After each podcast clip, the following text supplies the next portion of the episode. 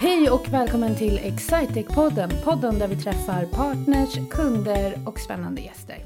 Med mig har jag såklart Mats Stegeman. Hej Mats! Hej Sanna!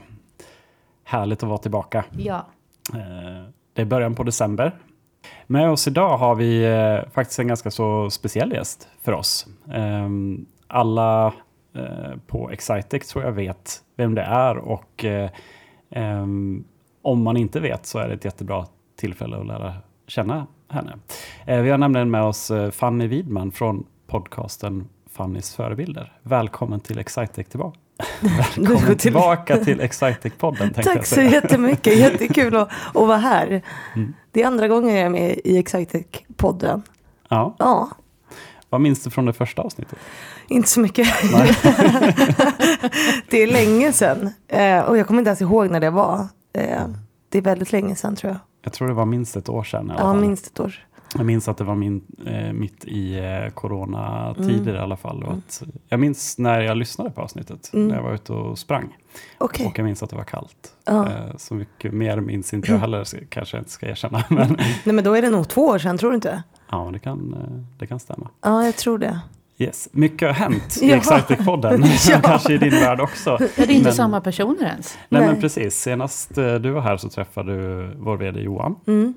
Och eh, sen i höstas så är det ju jag eh, och, eh, och Sanna som, eh, som pratar i, i podcasten. Och eh, ett stående inslag som vi har haft sen, sen vi startade tillsammans har ju varit att vi har kört Sannas fem snabba frågor. Mm. Ehm, så, och det tänkte vi göra med dig Mm. också. Så att, eh, take it away, Sanna. Kör. Ja, precis. Ingen, ingen kommer undan de här granskande frågorna. Ja, Då blir jag lite nervös. här. Vad kommer nu? Den första frågan är, vem ringde du senast? Min, min mamma faktiskt. Jag var tvungen att tänka, jag pratar i telefon hela tiden. Men det var min mamma, ja, igår kväll. Så jag har inte pratat något i telefon idag faktiskt. Hur ofta pratar du med din mamma? Oj, kanske det varvar väldigt mycket. Minst en gång i veckan, tro, Mm. tror jag i alla fall. Eh, Det kanske är för sällan. Jag tror att det är ett minimumkrav som mammor har i alla Ja. fall. Att det är minst Från mammans perspektiv. Ja. Men jag ska faktiskt träffa henne ikväll också. Så Ja. det, eh, det kanske lägger till pluspoäng. Det gör det Ja. faktiskt. Hur många kuddar har du i sängen? Tre. Två, ja, men två vanliga och en sån här stor hotellkudde som jag har investerat i. Mm. Som jag ligger och kramar på så här, på natten.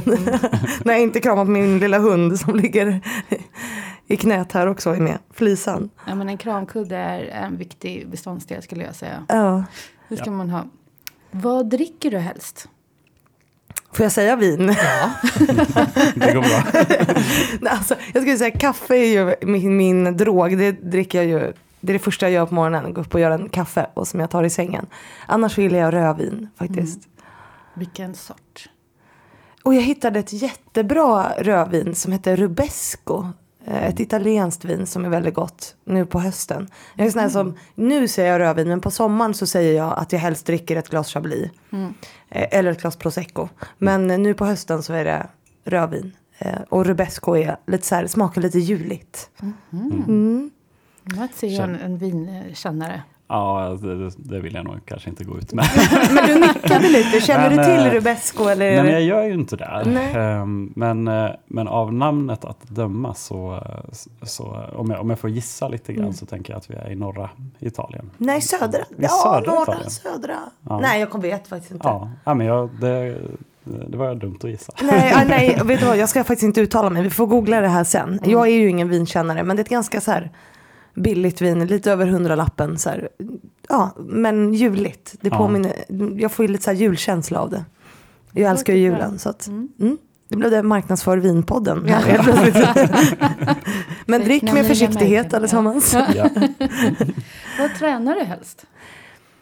Ehm, alltså jag tränar ju väldigt mycket och, och springer ju en del. Men det är nog inte helst det jag gör. Utan hade jag tid skulle jag nog dansa eller eh, rida. Jag är ju hästtjej Mm. och eh, gammal elitgymnast. Och jag älskar att dansa. Men jag har inte riktigt eh, haft tid för det. Så att, eh, då blir det löpning. Jag, håller, jag är helt med dig. Ja, Det är vad bra. Exakt, det var som att jag hade svarat på den här frågan. Ja. Ja, Eh. jag med. Löpning var det enda jag hörde.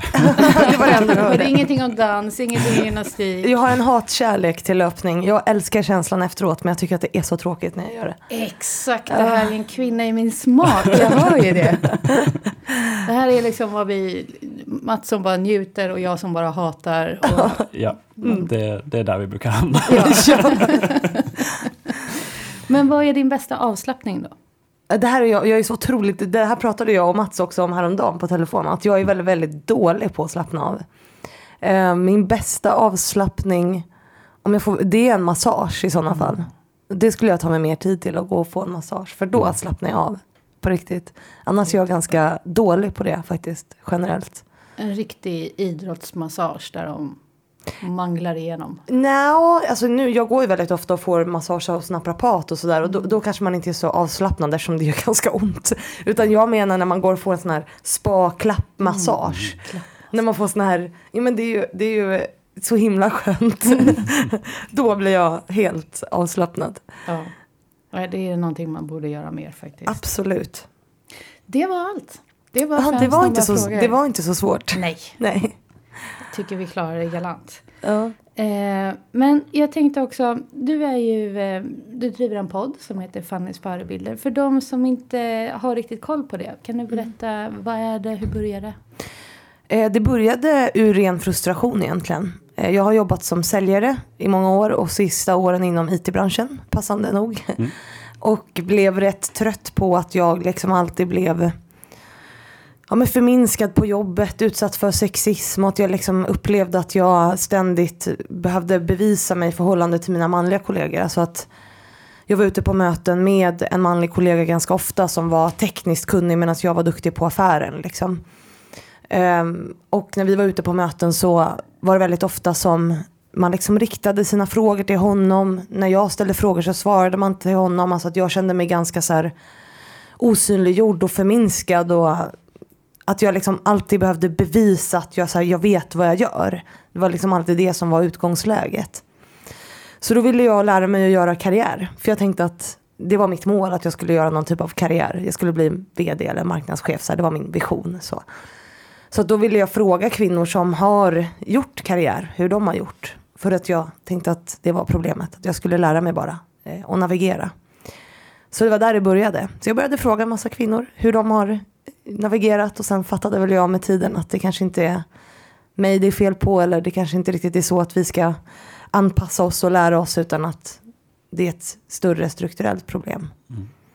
Och det har jag gjort nu i fyra år intervjuas. Jag har ju släppt, vad är det, 211 avsnitt tror jag nu. Varje söndag i fyra år. Jag har fan inte, oj nu svär jag också. Men jag har inte missat en söndag på fyra år. Och varje onsdag släpper jag också en teaser. Så det är liksom content hela tiden. Ja, Och hur har det gått? det har gått jättebra. Eh, Den är ju störst i Sverige idag på temat jämställdhet. eh, Och har ju mycket lyssnare. Och sen har det ju växt till liksom eh, någonting större. Så att jag föreläser, jag har skrivit en bok eh, som är baserad på podden. Eh, ja, jag har ju blivit någon form av influencer på området liksom, skulle man väl kunna säga. Jag tänkte, jag, det var intressant, jag har nog inte eh, tänkt på historien på det sättet eh, tidigare. Just, eh, I min värld har det alltid varit en podcast som handlat om just eh, jämställdhet. Mm. Eh, för det, det är så jag har lärt känna den. Mm. Men hur tidigt eh, gick liksom fokus, eller blev fokuset direkt jämställdhet när du började att göra avsnitten? Eller, eller fanns det en, en inledande period där du tänkte att eh, det här är en karriärpodd? Eh, Det var en inledande period men jag kunde ingenting om jämställdhet eller eh, brydde mig inte om, alltså det fanns inte i mitt, för mig var det karriär, alltså det var det som var grejen. Sen tog det väl någon månad eh, innan jag fattade att så här, okej men det kanske blir, alltså att det blir, det är något annat som är problemet liksom. Så de här åren har ju varit en utvecklingsresa för mig också att lära mig om jämställdhet, om min omvärld, eh, om liksom, ja, mångfald överlag också såklart. Alltså det blir ju det blir ju det när du börjar prata med människor och lyssna, att du lär dig massor. Så att podden i grunden är ju en egocentrisk sak. Alltså när jag började så var, handlade det ju om mig. Jag ville lära mig. Ja. Eh, Jag ville lyckas liksom. Eh, men sen är det ju svårt när man lär sig och när man förstår att liksom blunda för problemen i, i stort. Liksom. Men det är jättespännande egentligen och, och, Mm. och kanske en del i, eh, nu ska jag inte spekulera för mycket, men att, att det inte från första stund handlade om just den frågan. För då Mm. hade man kanske tagit in lite andra typer av gäster inledningsvis och, och kanske inte varit riktigt lika öppen för att men, lyssna på helheten. I, eh, det måste ha varit ett, nästan ett uppvaknande i sig. Så här, att, men, nu har vi pratat om, nu har jag pratat med flera personer Mm. som, vi har inte pratat om det här ämnet, Mm. men det har ständigt handlat kanske om, om ämnet jämställdhet. Ja men, ja men precis. Och så, det, alltså, I grunden var det väl alltså, jämställdhet utan att jag fattade det själv. Alltså, Mm. För det var ett fokus på kvinnor har det ju alltid varit. Mm. Men, eh, men ordet jämställdhet var liksom inte... Jag kallade mig inte feminist innan. För jag trodde att det var någon som inte rakade sig under armarna och liksom gick runt och... Ja, men liksom, det var min bild av feminismen. Eh, och också... Ja, men jämst, så här, jag kunde ingenting om det. Och, det. och det är något som jag brukar ta med mig ofta när jag pratar med företag om så här, hur, ja, men hur kan man jobba med sitt jämställdhetsarbete. Att det någonstans måste börja i nyfikenhet och att sätta sig in i andras perspektiv. Du kanske inte behöver göra det till en sån stor grej utan bara eh, lyssna, prata med människor runt omkring sig. Alltså att det är en, en del utvecklingsresan på något sätt. Att försöka förstå. Just det. Jag tänkte, när man, man kan ju gå in på fannysförebilder.se också och läsa mer. Och där, där radar du upp bland annat ganska deppig fakta. Ja, det och jag ska ut. uppdatera min hemsida för det är ju ännu mer deppigt nu än vad det var när jag gjorde den där hemsidan. Tyvärr Ja, alltså. det har alltså blivit värre. Ja. Eh, vad tror du, varför har vi inte kommit längre? Tänk om jag hade svaret på den eh, frågan. Eh, nu backar vi, alltså, jag vet inte om ni såg Allbrights rapport eh, om eh, som de släppte nu nyligen att vi har, Allbright kartlägger ju för de som inte vet det, de kartlägger ju hur det ser ut i ledande positioner och ledningsgrupper på börsbolag liksom. Och så har ju de en lista, eh, så röda listan, grön och så vidare. Eh, på vilka som faktiskt gör ett jämställdhetsarbete och där såg vi ju i år att Sverige har ju ständigt haft en utveckling liksom uppåt. Att vi har ökat andelen kvinnor i ledande positioner och sådär. Men nu var det noll procent ökning. Och man tror också att det kommer till nästa år att backa. Eh, och det så kommer det troligtvis att, att bli liksom. Därför att man ser också att det är kvinnor generellt som är bättre på att lyfta upp andra kvinnor till ledande positioner. Att männen inte gör det på samma sätt. Om vi då inte har en ökning så kommer det, alltså. Och så har man bytt ut vd, alltså manliga vd, eller kvinnliga vd mot manliga eh, och så vidare. Och det är ju jättedeppigt. Och jag tror att det är en, en kombination av mycket. Jag tror dels att vi har haft en retorik i Sverige i många år där vi säger så här, vi är bäst, en av de bästa länderna i världen på jämställdhet. Och det gör att vi liksom har lutat oss tillbaka och sett det lite som ett icke-problem. Så behöver vi ens prata om det här nu liksom. Eh, lite grann. Så vi har ju blivit också soffpotatisar som liksom pillar oss lite i naveln. Som tänker att så här, det här är, det är bra som det är. Eh, vi är duktiga på det här, vi är ett föregångsland. Men nu börjar vi bli sämst i Norden och säga jag kan ladda upp mer deppig statistik, det ska vi inte göra.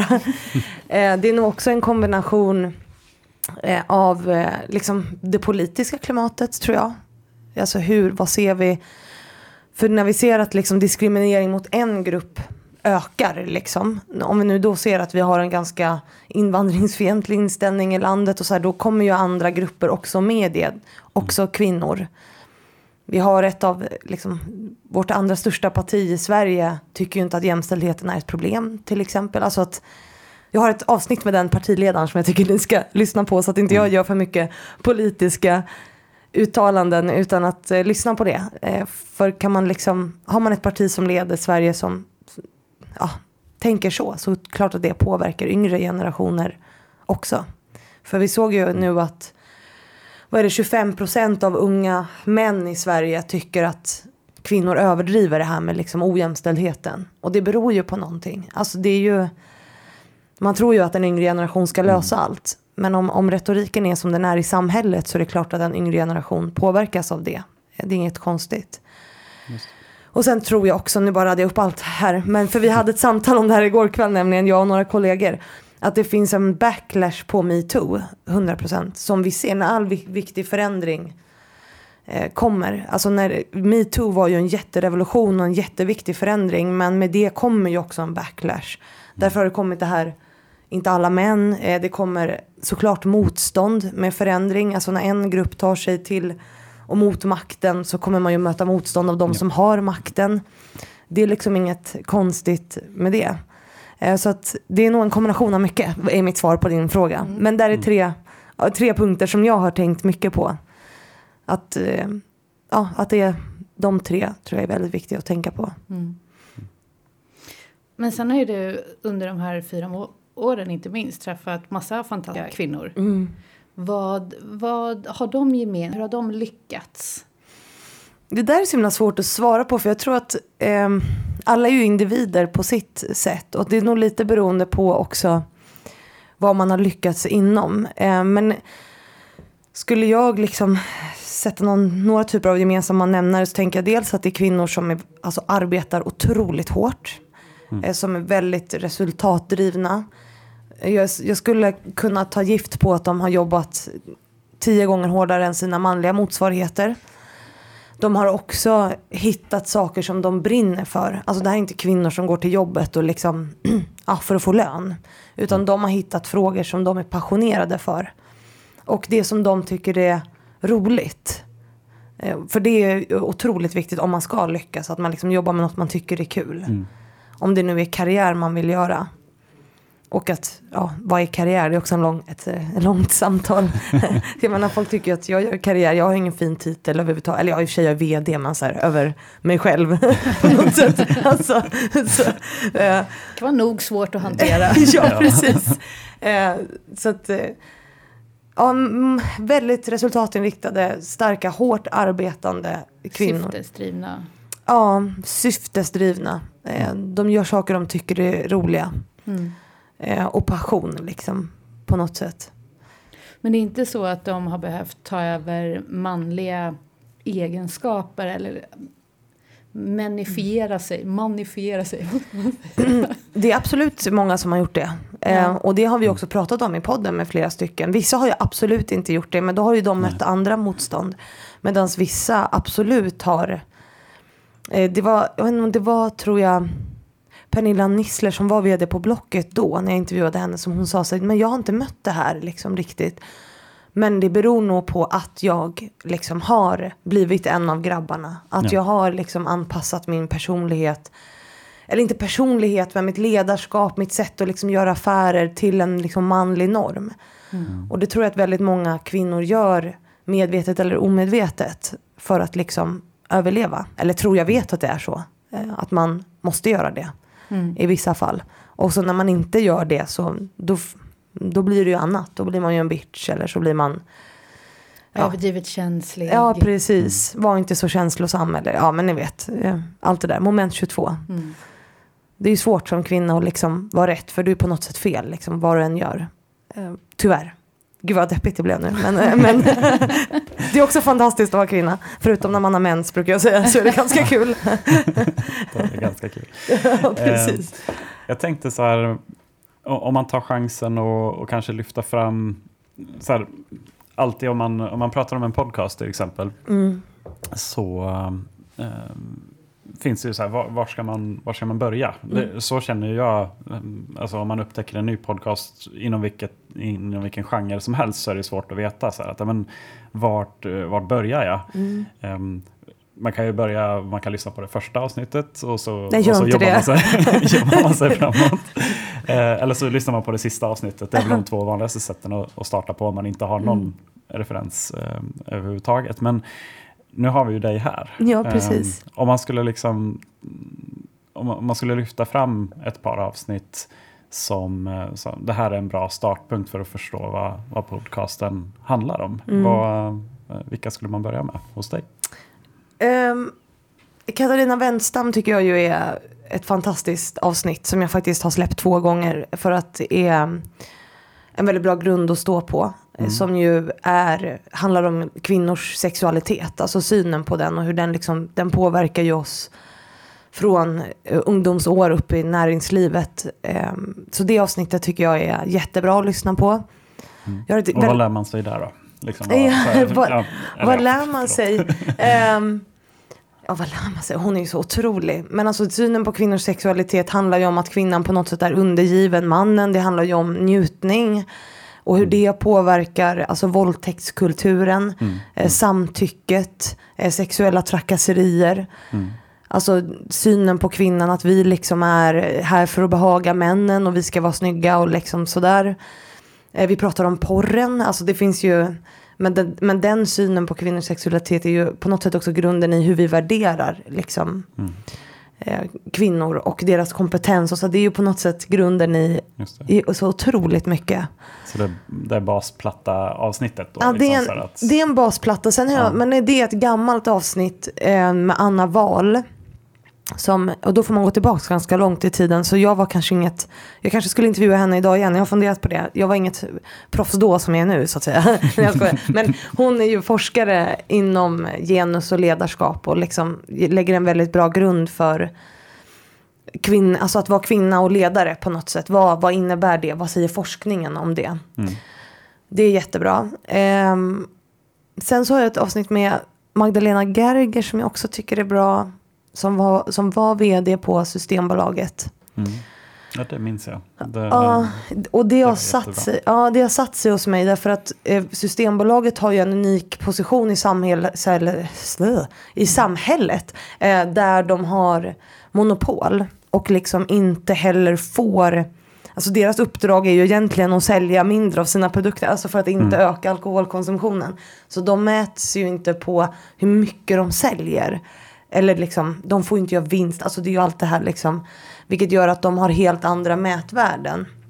Och det gör också att man kan jobba med sina anställda och med sitt ledarskap på ett helt annat sätt. Och för mig blev det en så här, alltså jag hade lite gåshud när jag spelade in med henne för att det är så mm. häftigt. När man strategiskt jobbar med ledarskap, vilka effekter det har. Om du skiter i pengarna mm. och säger så här på riktigt att människorna kommer först. Vad händer då? Ja, de, det går ju jättebra. Alltså obviously nu har de monopol. Men också att de har högre förtroende än liksom, kungafamiljen i Sverige. Så man har mer mm. förtroende för Systembolaget än kungafamiljen. Eh, och att de vände det ifrån att så här, folk gillade ju inte alls Systembolaget efter muthärvan och allt. Och att de har lyckats vända det. Och eh, också att deras anställda liksom mår väldigt bra och presterar väldigt bra. Um, mm. och, och det blev en ögonöppnare för mig. Mm. Eh, att man liksom skiftar det perspektivet. Sen vet vi ju att så här, pengar är jätteviktigt och vi måste omsätta oss här. Men att om människorna på riktigt kommer först så kommer ju också det mm. automatiskt. Det är ett mindset för mig. Eh, mer än ett... Ja, ni förstår vad jag menar. Jag behöver inte utveckla det mer. Eh, men, så de, de tre skulle jag säga är superbra. Alltså jag har ju väldigt många bra avsnitt. Jag tycker man ska lyssna på valspecialen även om det inte är val. Eh, tror jag är superviktigt. Mm. Både... Där fanns det väl också ett sammanfattande avsnitt. Mm, precis. Um... Med Jenny Madestam. Och nu mm. finns det ju två, nu släppte jag ett avsnitt med Jenny som Jenny Madestam som person mm. i söndags. Men det finns ett avsnitt med henne där hon också analyserar. För jag spelade in avsnitt med alla partiledare innan valet. För att prata om deras jämställdhetspolitik. Och sen så mm. fick Jenny Madestam lyssna på de här avsnitten innan de släpptes. Och så spelade vi in ett så här ja men vad är det de säger egentligen avsnitt typ. Eh, för att man ska förstå det. Eh, och det kan man lyssna på om man vill också. Mm. För att förstå. Nu har ju valet varit. Men jag tror att det är viktigt att förstå eh, av politiken. För det är ju en superviktig del av att driva de här frågorna. Liksom. Vad ska man göra om man inte är vd eller, eller sitter i ledningsgruppen men mm. ändå mm. vill utveckla jämlikheten på sin arbetsplats. Mm. Hur, hur tar man steg då? Jag tänker att som individ så behöver man nog rikta strålkastarljuset väldigt mycket mot sig själv. Eller jag tror väldigt mycket på det. För att om vi ser liksom jämställdhet som ett strukturellt problem så är ju alla en del av att upprätthålla den strukturen oavsett vilket kön vi har. Alltså jag, mm. jag som kvinna kan också vara sexistisk. Precis som Mats som är man kan, alltså så här, mm. Det finns inget kön på skit. är väldigt sexigt. Nej men det går ju inte att sätta ett kön på skitstövlar. Mm. Så jag tror att om man, om man kan se det så och sen reflektera över men hur är jag en del av att upprätthålla det? Alltså vad gör jag i min vardag? Eh, läsa på om så här, vilka effekter har en ojämställd struktur på mig? Och att man alltid tar på sig sina genusglasögon i alla situationer. För är man och kanske framförallt om man är man, så, så har man ett väldigt ansvar att liksom stötta sina kvinnliga kollegor tycker jag. Vi pratar ju väldigt mycket om att mm, kvinnor ska ta för sig mer och de ska hit och dit och sådär. Men det är väldigt svårt när man är kvinna, om man är i en situation, när vi sitter i ett möte, om jag ser att en, en kvinna blir förminskad eller att det händer Mm. någonting i ett rum, att man liksom tar ansvar för det även om man själv inte är utsatt. Så att det blir också ett långt svar. Men, Mm. men som individ så, vad gör du i din vardag? Mm. Läs på. Följ mig på Instagram. Alltså, eller så nej men alltså på riktigt. Ja. För jag jobbar ju jättemycket med just det. Eh, just den delen av jämställdhet. Mm. Att liksom belysa de här sjuka grejerna som händer i vår vardag. Som vi liksom, som alla gör. Som man inte tänker på. Som man inte tänker på. Att vi säger vissa saker, att vi liksom, vissa saker uppstår. Mm. Kommentarer, så saker som vi säger om kvinnor. När vi säger det till en man så blir det helt befängt. Alltså det är som en, och, och då fattar man liksom. Och där har vi alla ett ansvar. Jag tycker det där, eh, just den där vardags... Mm. eh, Att, att liksom så göra vardags... eh, Att se sig själv utifrån i, Mm. i vardagen är nog den delen som, som jag tycker man lär sig Mm. absolut mest av. Att, eh, jag gillar ju dina... Du gör ju små korta videor där du... Humorsketcher. eh, ja, ja, men precis. Och de tycker jag är jättebra liksom, för att man, man hittar... eh, Man hittar de där små nycklarna, så här, va- vart, eh, var, vart finns de här beteendena? Mm. Eh, jag, jag hade faktiskt en, em, för egen del så jag, jag jobbar en del med våra liksom, konferenser och sådana typer av eh, resor. Mm.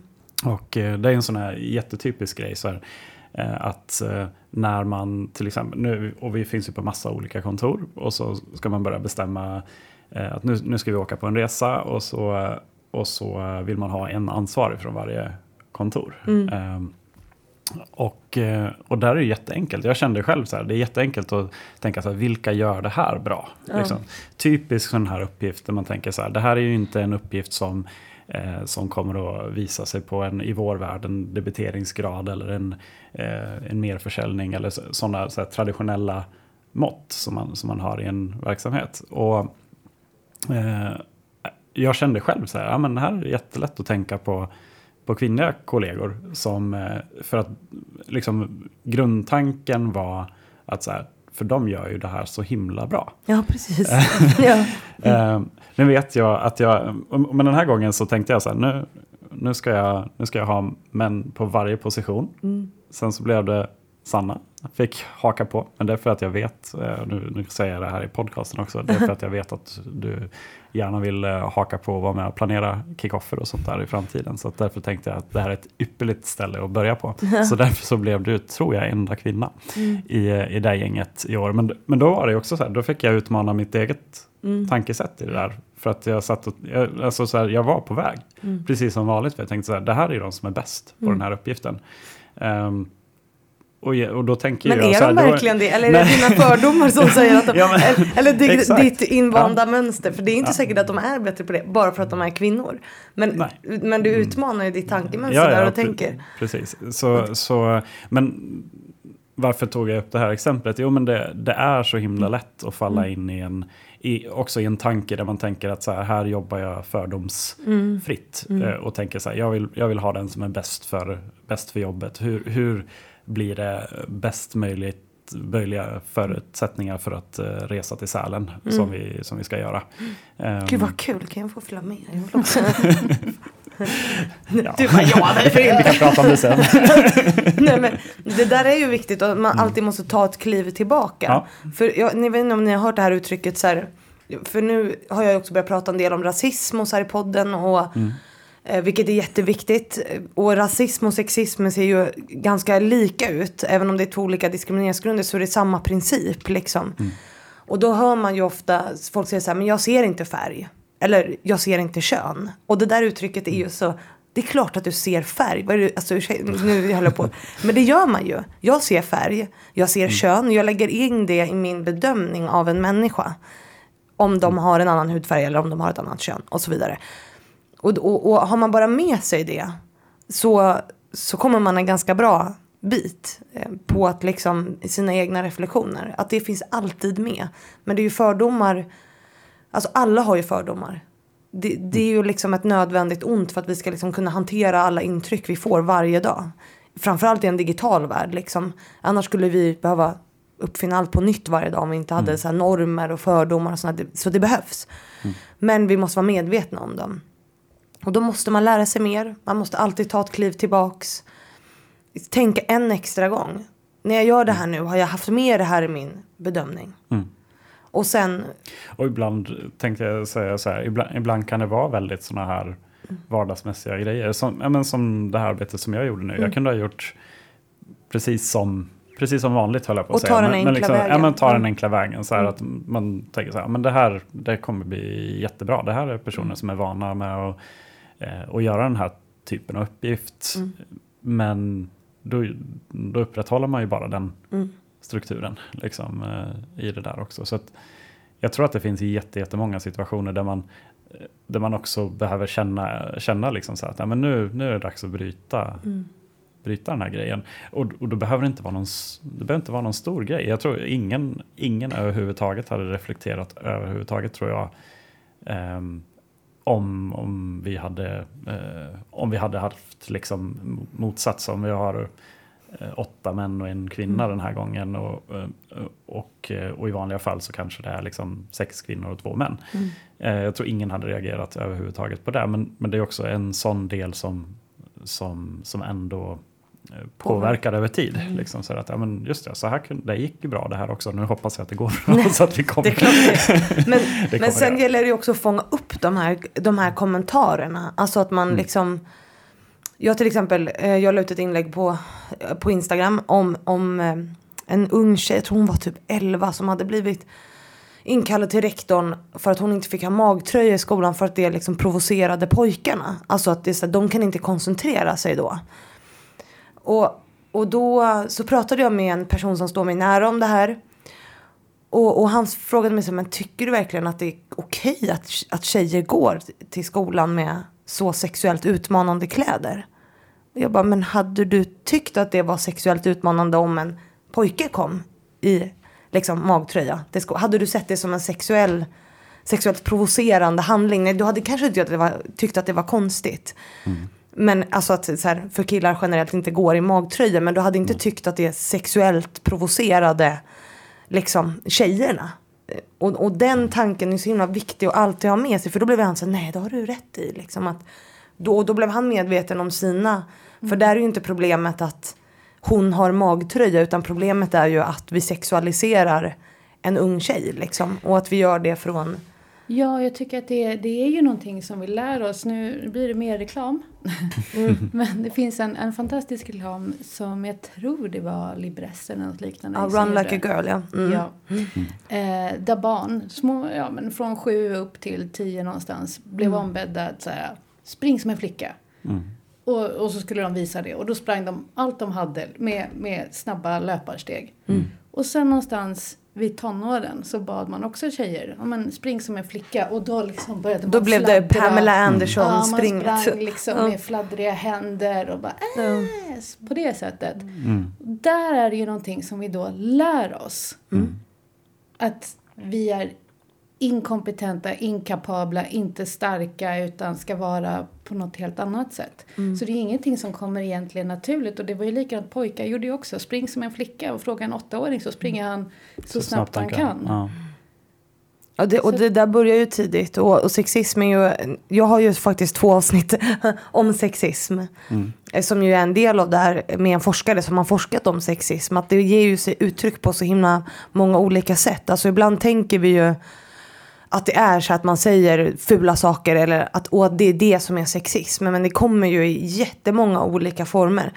Det finns ju till exempel någonting som heter välvillig sexism som är ett fenomen som kanske också ganska ofta uppstår i, i den här branschen när man rekryterar in kvinnor. Att man blir man vill väl. Så att man omhuldar de här kvinnorna som kommer in. Och man liksom, men det man gör då också är att man förstärker bilden av kvinnan som det svagare könet. Alltså när man öppnar dörren. Det är ju en fin gest som man gör Förhoppningsvis för att vara snäll. Mm. Men att, Och åt alla i så fall. ja, ja men precis, det är ju det att du ska göra det åt alla. Ja. Du ska erbjuda, om, om Mats bär en tung påse då ska jag erbjuda honom hjälp. Eh, För att jag tänker att den är tung för Mats även fast han är man. Jag kan avlasta dig lite. Så, att, eh, så det, de avsnitten kan man också lyssna på om man vill lära sig mer. Eh, därför att det är så viktigt att förstå det där. För när vi gör det då kan vi liksom agera annorlunda. Eh, ah, jag vet inte om det var ett bra inslag här men jag tror Ja. att det... Vi behandlar alla lika helt enkelt. Ja men precis. Och det tror jag blir ganska bra slutord. Tiden rinner ifrån oss. Stort, stort tack för att eh, du kom och gästade oss Fanny. Jättekul att vara här. Tack så mycket. Tack. Och eh, Mats, Ja, i vanlig ordning om man vill eh, veta mer om vad Excitec gör ja. Eh, då har vi ju våran webb. Eh, vi finns ju på um, excitec.se och, eh, och där kan man läsa om vårt erbjudande. Man kan hitta våra karriärsidor ifall man är sugen på att arbeta hos oss också. Och sen kan jag också tipsa i sociala medier så finns vi under Excitec, både på Instagram men även på, på LinkedIn kan man följa oss som, som bolag. Så jag väl Fanny, om man vill lyssna på din podd Ja, eller följa dig på Instagram. ja precis. Eh, Fannys förebilder heter ju podden och den finns ju överallt där poddar finns. eh, Som jag brukar säga. Eh, och sen eh, Instagram är det ju Fannys förebilder. Och på LinkedIn är det Fanny Widman. Jag har ingen företagssida utan där följer man Fanny Widman. Ja, det är de kanalerna jag jobbar med. Stort, stort tack. Tack. Tack.